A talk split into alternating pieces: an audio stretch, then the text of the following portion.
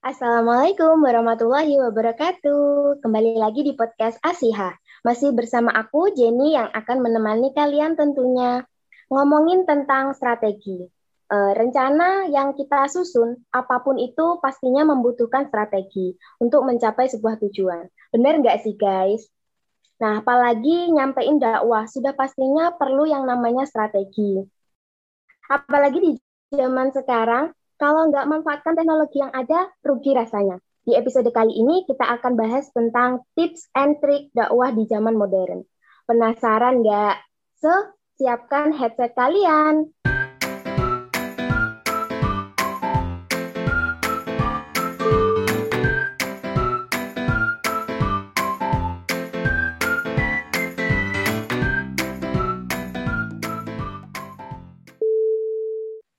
Namanya dakwah itu pasti berat. Yang dipikirin bukan cuma share kebaikan, tapi kudu mikir juga bagaimana supaya orang yang kasih nasihat mau dengerin. Terus kudu gimana sih? Nah, mungkin ini bisa kita tanyain ke narasumber kita kali ini. Assalamualaikum Mbak Aisyah. Waalaikumsalam warahmatullahi wabarakatuh. Wah, Mbak Aisyah ceria sekali ya. Alhamdulillah. Jadi, jadi bintang tamu kita kali ini salah satu pegiat dakwah yang aktif di media sosial. Beliau ini aktif sebagai podcaster dan motivator dakwah di Instagram loh. Kedengeran asik kan ya? Mbaknya udah dapat spill belum nih? Kita kali ini akan ngobrolin tentang apa? Ya, uh, jadi malam ini kita bakal ngobrolin tentang dakwah di era modern seperti saat ini gimana sih biar anak muda itu dapat materi dakwahnya nggak kaku-kaku banget. Jadi kita juga sebagai dai dan agen-agen kebaikan ini bisa menyampaikan uh, pesan atau value sesuai dengan segmentasinya. Jadi ke siapa kita bicara materinya sesuai gitu supaya dakwahnya nggak kaku. Gitu mbak Jenny. Iya baik mbak Aisyah Uh, menurut Mbak Aisyah sendiri, dakwah itu seperti apa, gitu, Mbak? Sebenarnya simple dakwah itu kita ngambil perintahnya Allah dalam Al-Quran. Allah meminta kita untuk amar ma'ruf nahi mungkar. Uh, berbuat kebaikan, mengerjakan kebaikan, kemudian mencegah kemungkaran. Nah, dakwah ini konsep dasarnya adalah tabligh menyampaikan. Jadi apa yang bisa kita sampaikan, kebaikan silahkan disampaikan. Apa kemungkaran yang bisa kita cegah, baik dengan lisan kita, dengan tangan kita, atau dengan hati kita, kita cegah sebisa mungkin. Maka itu definisi dari dakwah simple, sederhana. Gak perlu dicari uh, definisi panjang lebarnya. Jadi kalau teman-teman punya keinginan di dalam hati untuk merubah lingkungan sekitar, merubah teman-teman yang ada di sekitar teman-teman yang mungkin uh, masih belum mengenal Islam nih. Nah, itu peran kita di situ sebagai dai adalah mendakwahkan seperti itu. Nah, Mbak Aisyah, Mbak ini kan kalau aku lihat aktif di Instagram, suka sharing-sharing masalah kebaikan dan lain-lain. Kok bisa hmm. ada pikiran buat konten-konten seperti itu? Oke, okay, uh, eh, kok bisa kepikiran? Karena saya pribadi adalah orang yang juga tertarik dengan konten-konten semacam itu sebelumnya. Jadi sebelum saya mulai membuat konten atau disebut saja content creator, saya penikmat konten sebelumnya. Jadi eh, teman-teman pernah nggak sih ngerasa ketika nonton video, baca uh, tulisan yang itu baik ya, positif, ada kenikmatan tersendiri karena kita jadi tahu informasi, kita jadi kadang di situ juga hidayah masuk buat kita. Nah, kenapa enggak hidayah dari Allah untuk orang-orang di sekitar kita bisa lewat kita. Jadi kita jadi wasilah hidayah untuk orang lain. Nah, itu pahalanya besar sekali Masya Allah. Makanya kalau kalau ditanya kok bisa kepikiran, ya karena pertama uh, Aisyah sendiri merasakan konten yang bagus itu benar-benar bisa merubah Aisyah. Kemudian juga Aisyah sadar bahwa ketika ada orang yang berubah uh, melalui konten kita, kita dapat pahalanya gitu. Karena kita menjadi wasilah hidayah untuk orang lain. Kayak gitu Mbak Jenny. Iya Mbak Aisyah, Masya Allah. kapan kapan-kapan bisa lah ya saya belajar secara khusus kepada Mbak Aisyah ya. Insya Allah bisa selalu. Kita nggak boleh pelit ilmu. Saya pun masih fakir ilmu. Saya juga masih belajar. Nah, sedikit ilmu yang saya punya, sedikit kebiasaan yang saya punya, itu wajib untuk saya siarkan kepada orang lain. Apalagi mereka memang niatnya mau belajar. Itu wajib buat saya bagikan. Nggak boleh pelit ilmu. Karena sumber ilmu ya Allah. Kita cuma dikasih sedikit aja. Jadi kita nggak boleh pelit. Yang boleh pelit itu kalau mau pelit ya Allah. Kita mah siapa? Wah, benar banget. Jadi boleh banget kalau mau belajar silahkan siapa pun teman-teman yang mau belajar, monggo terbuka. Terus itu Mbak, kalau buat konten-konten gitu ada nggak Mbak alasan atau niat tertentu kenapa bikin kayak gitu? Terus ya alasannya itu dari pribadinya Mbak Aisyah sendiri seperti apa nih Mbak? Ya, kalau ditanya alasan, alasan ini bahasa lainnya adalah uh, motivasi mungkin ya motif membuat konten itu apa. Nah kalau ditanya seperti ini Aisyah dengan uh, apa tegas menjawab asik dengan tegas nggak tuh?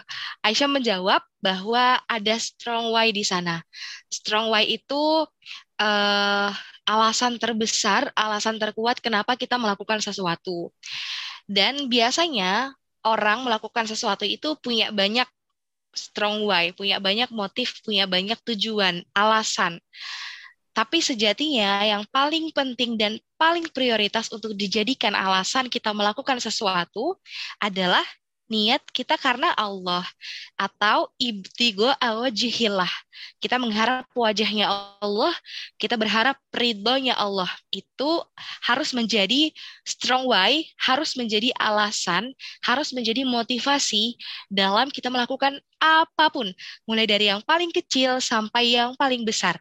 Contoh yang paling kecil, ketika kita hendak minum air, Niatkan dengan minum air ini kita jadi punya energi untuk bisa beribadah kepada Allah.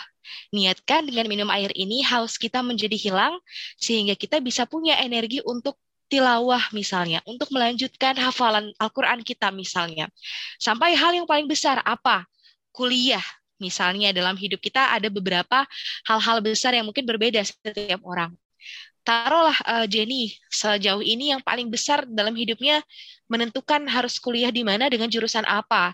Maka yang menjadi alasan paling dasar adalah harus karena ibadah kepada Allah untuk mengharap ridho Allah. Oh oke, okay, dengan kuliah ini aku jadi bisa lebih dekat dengan Allah. Makanya aku masuk uh, forum mahasiswa Islam di kampus dan lain sebagainya. Jadi balik lagi ke pertanyaan awal, Aisyah kenapa mau buat konten? Alasannya ya karena untuk ibadah kepada Allah Aisyah nggak tahu amal Aisyah mana yang diterima, mana yang tidak diterima, at least ada ikhtiar untuk bisa menjemput ridhonya Allah. Ada ikhtiar untuk bisa menebarkan manfaat walaupun hanya sedikit, walaupun hanya satu ayat. Jadi ketika kita sudah tidak ada, jejak digital kita adalah jejak-jejak yang positif. Begitu. Wah, keren ya alasannya Mbak Aisyah ini jadi konten creator yaitu karena Allah karena ridho dari Allah karena semuanya diniatkan untuk kepada untuk beribadah kepada Allah. Nggih begitu nggih Mbak. Betul, kita sebut dengan strong why. Jadi teman-teman mulai biasakan sebelum mengerjakan apa pun dari yang paling kecil sampai yang paling besar, coba pikirkan dulu strong why-nya apa, alasan paling kuatnya apa. Dan ingat yang paling kuat adalah harus karena Allah. Ya Allah, termotivasi, termotivasi banget aku. Gara-gara itu kita jadi kepo kan sebenarnya Mbak Aisyah ini terinspirasi dari mana bisa buat seperti itu, Mbak? Oke, hmm, kalau terinspirasi membuat kontennya, terinspirasinya dari banyak orang yang juga ikut membuat konten di sosial media. Semua orang-orang baik, orang-orang yang punya tujuan baik di sosial media. Kita bisa lihat kan konten banyak banget, kadang ada juga yang nggak ada namanya kadang ada juga yang anonim begitu. Jadi kalau terinspirasinya sederhananya terinspirasi dari orang-orang solih, orang-orang baik yang membuat konten di sosial media. Tapi kalau uh, inspirasi terbesar kenapa harus berdakwah, kenapa harus menyampaikan kebaikan, kenapa harus share kebaikan kalau bahasanya kita, itu sebenarnya dari kedua orang tua, terutama dari Umi. Di Umi itu mengajarkan memang sejak kecil uh, sampaikan yang baik-baik Kalau nggak bisa sampaikan yang baik-baik, lebih baik diam. Maka ketika kita sudah punya sosial media, kalau saya, kalau udah punya sosial media, pakai sosial medianya untuk kebaikan. Kalau nggak bisa share kebaikan di sosial media, nggak usah punya sosial media. Jadi pilihannya cuma dua, punya sosial media kemudian dakwah di sana, atau tidak punya sosial media sama sekali. Begitu, jadi inspirasi untuk membuat kontennya dari orang-orang yang juga membuat konten, orang-orang solih yang kreatif, kalau inspirasi berdakwahnya, semangat dakwahnya dari siapa? Dari kedua orang tua, terkhusus dari Umi. Wah, inspirasinya dari Umi katanya untuk menyampaikan kebaikan.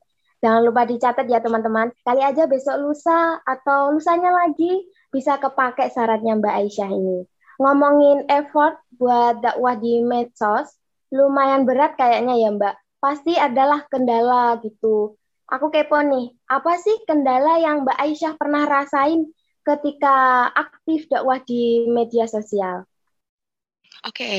kalau kendala sebenarnya ketika uh, saya mengerjakan itu dengan senang hati, kemudian di sana juga ada strong way tadi karena Allah tidak ada sebenarnya hal yang menjadi kendala yang begitu berarti, cuman pasti ada tantangan. Nah, tantangannya ini tidak terlalu banyak. Contohnya adalah uh, kita harus menyampaikan informasi tentang satu hadis gitu misalnya. Tapi hadis ini ternyata masih menjadi uh, perdebatan di antara umat di tengah-tengah umat. Ada yang bilang itu doif, ada yang bilang itu sahih, ada yang bilang dan seterusnya dan seterusnya.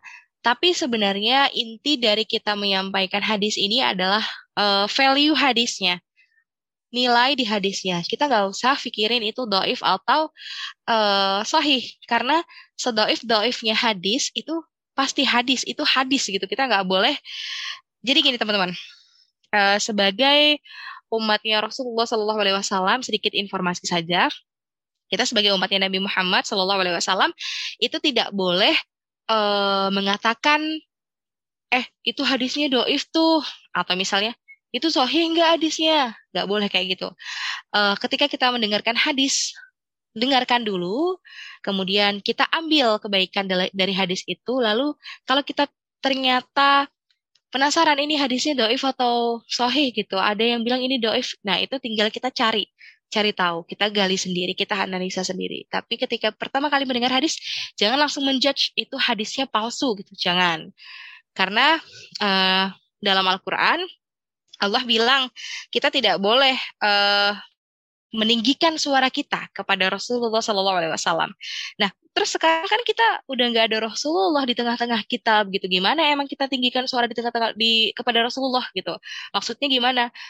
Ya, salah satu model kita meninggikan suara kepada Rasulullah ketika Rasulullah sudah nggak ada sekarang adalah dengan ya kayak gitu tadi, itu hadisnya doif, itu sahih nggak hadisnya? Nah gitu. Paling kendalanya adalah uh, meriset sih apa yang harus disampaikan.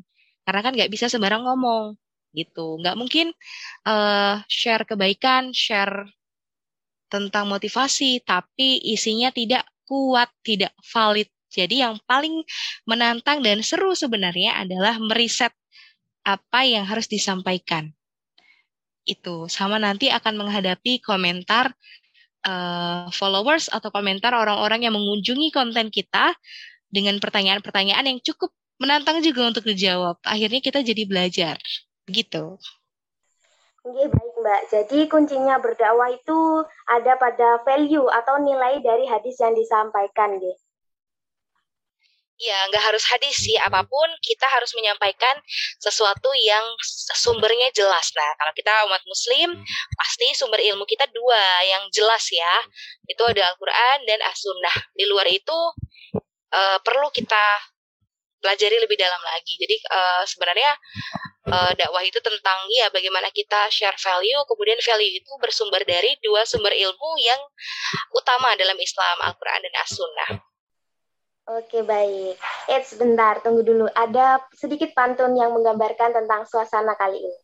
Gak ada air, api menyala. Gak ada solusi, masalah tetap ada. Terus ya Mbak, um, apa sih yang Mbak Aisyah lakuin untuk ngilangin masalah atau hambatan yang Mbak rasakan? Iya. Nah, tadi kan kendalanya adalah terkait meriset data ya.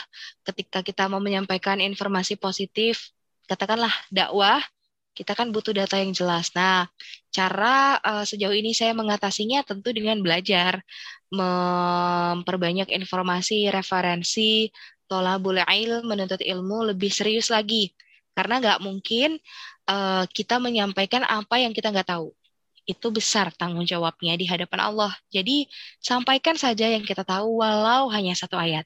Nah, maka saya selama ini ketika saya menyampaikan apa pun di sosial media itu adalah hal yang setidaknya saya sudah tahu dan sudah saya lakukan. Baru saya berani share ke teman-teman. Uh, maka sederhananya cara saya mengatasi masalahnya yang pertama tolabul ilm, menuntut ilmu lebih serius lagi, memperbanyak referensi, memperbanyak informasi baru, kemudian mengisi diri saya sebanyak-banyaknya dengan hal-hal yang baik.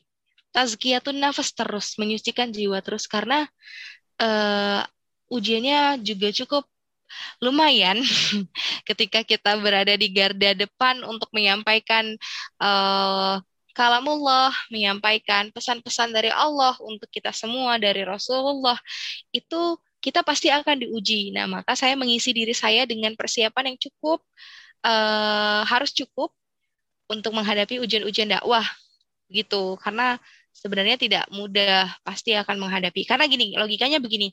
Akan beda ujian yang dihadapi sama or antara orang yang uh, bergerak dalam dakwah sama orang yang ya di rumah rebahan, kemudian ya santai, tidak memikirkan siapa pun, dia hanya memikirkan bagaimana dirinya hari itu akan makan cukup, akan tidur nyenyak, masalahnya selesai beda sama yang di luar menyelesaikan masalah umat, memikirkan masalah umat. Jadi harus banyak perbekalan dan persiapan. Begitu ibarat gelas, nggak mungkin atau teko, teko tidak mungkin mengeluarkan air susu kalau di dalamnya isinya teh maka apa yang saya keluarkan adalah harus apa yang benar-benar saya masukkan sesuai dengan apa yang Allah mau. Jadi saya ngisinya ilmu ke diri saya, maka saya harus mengeluarkan ilmu juga untuk di-share ke teman-teman semua. Begitu.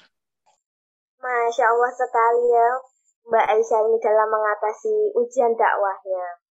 Nah sekarang nih, ada nggak Mbak kira-kira pesan atau saran gitu buat teman-teman yang mau mulai atau udah mulai bikin konten dakwah di media sosial? Uh, sebenarnya Aisyah ini masih fakir ilmu. Kontennya juga belum banyak dan belum banyak memberikan dampak ke orang-orang. Cuman kalau dikasih kesempatan untuk menyampaikan pesan dan saran kepada teman-teman yang baru mau mulai mengisi media sosialnya dengan konten positif, dakwah, sarannya adalah luruskan niat. Ya tadi itu strong why. Strong why-nya apa?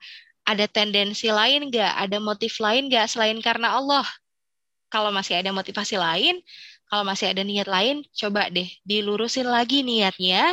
Harus karena Allah, benar-benar karena Allah. Supaya apa? Supaya ketika menghadapi ujian di tengah-tengah dakwah nanti, teman-teman nggak gampang kabur dari dakwah, nggak gampang kabur dari bikin konten positifnya. Karena strong way-nya adalah Allah.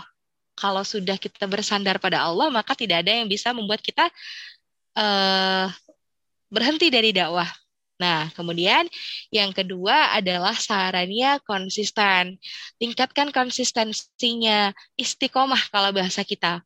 Uh, istiqomah dalam apa? Dalam belajar. Karena kita nggak mungkin menyampaikan sesuatu yang kita nggak tahu. Kita nggak mungkin share sesuatu yang kita sendiri belum pernah pelajari. Maka sebagai diri yang mau berdakwah, perbanyak uh, ilmu, kemudian konsisten belajar dan konsisten menyampaikan.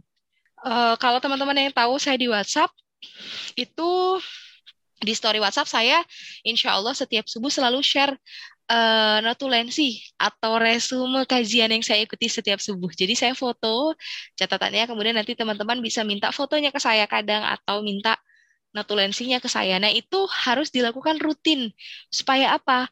Ya supaya teman-teman kita ini yang belum berubah misalnya ibarat batu, walaupun dia kena setetes, setetes, setetes, tapi kalau kita terus-terus berikan tetes-tetes air ini nanti batunya bisa pecah dan melunak bahkan.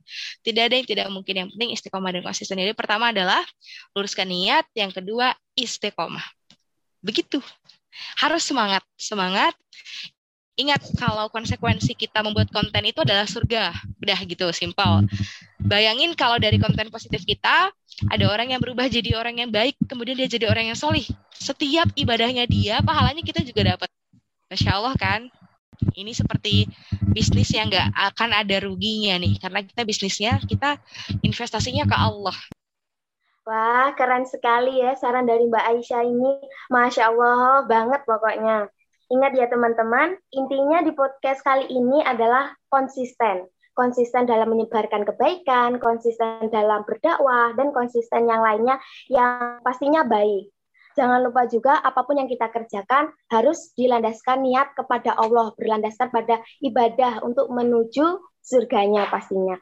Bukan begitu Mbak Aisyah? Betul, setuju. Kesimpulan yang sangat apik. Terima kasih Jenny sudah bantu menyimpulkan, Insya Allah. Iya Mbak.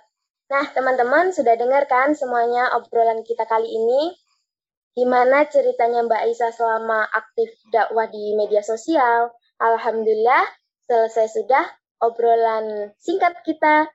Jadi buat dakwah keren nih untuk milenial sekarang. Tidak bisa dakwah di media sosial dan kita harus memanfaatkannya sebaik mungkin. Oh iya, uh, boleh nggak Aisyah tambahin sedikit? Boleh Mbak, monggo. Nah, mungkin ini bisa sedikit jadi motivasi buat teman-teman semua. Jadi juga, uh, bayangin deh, di luar sana itu uh, musuh-musuh Islam, musuh-musuhnya Allah, itu semangat dan sangat serius membuat konten maksiat. Mereka serius sekali membuat konten-konten yang uh, menjerumuskan kita. Kadang mereka membuat konser sampai keluar uangnya miliaran bahkan triliunan mungkin untuk mengundang uh, artis-artis yang bikin kita jadi maksiat begitu. Kemudian kontennya dibuat semenarik mungkin, sebagus mungkin, dengan efek yang sedahsyat mungkin. Kalau mereka kayak gitu untuk bikin orang jauh dari Islam, untuk bikin orang jauh dari Allah, kenapa kita nggak bikin yang sama tapi untuk orang dekat dengan Allah. Untuk orang semangat kembali kepada Allah. Jadi kita jangan kalah serius, kita jangan kalah semangat karena musuh-musuh di luar sana juga semangat mau ngancurin kita, semangat mau ngerusak uh, generasi kita. Jadi kita yang sekarang sadar, kita yang muda-muda nih mulai dulu. Kalau punya kemampuan ngedit video, silahkan edit videonya ustadz-ustadz misalnya. Dipotong-potong, kemudian dijadiin one minute buster gitu. Atau punya keahlian dalam menulis, silahkan bikin puisi atau bikin quotes-quotes seperti Ustadz Hanan Ataki. Dan banyak banget contoh manfaatkan potensi yang kita punya untuk membantu agama Allah. Jangan mau kalah sama musuh-musuh Islam. Wah, Baik sekali Mbak Aisyah ini sarannya begitu baik banget. Jangan lupa ya teman-teman sarannya Mbak Aisyah tadi. Masya Allah sekali, tamu kita kali ini mantep dah sepokoknya. Semoga obrolan yang singkat ini bisa memberikan manfaat untuk kita semua. Amin, amin ya rabbal alamin. Dan juga terima kasih buat Mbak Aisyah sudah mau mengobrol-ngobrol bareng kita kali ini. Semoga selalu diberikan kelancaran dan kemudahan. Sama-sama. Amin, amin, amin, amin. Terima kasih. Nah, untuk itu semoga kita diberi kesempatan ya Mbak untuk berbincang-bincang lagi di koas ini di lain waktu. Insya Allah. Amin. Oke Sobat Koas semuanya, terima kasih sudah setia mendengarkan podcast kami Stay tune untuk episode-episode mendatang yang gak kalah seru dan bermanfaat. Jangan lupa follow Instagram Koas untuk terus update informasi podcast kami. Dan Instagramnya Mbak Aisyah juga. Apa Mbak Instagramnya? Uh, teman-teman bisa follow di Aisyah KHA underscore Aisyah K underscore. Nah, jangan lupa ya di follow terus ikutin dakwahnya Mbak Aisyah, pasti bermanfaat. Nantikan podcast selanjutnya dengan follow Koas di Spotify dan juga Anchor. Stay safe and stay healthy Sobat Koas semuanya. Akhir kalam. Wassalamualaikum warahmatullahi wabarakatuh.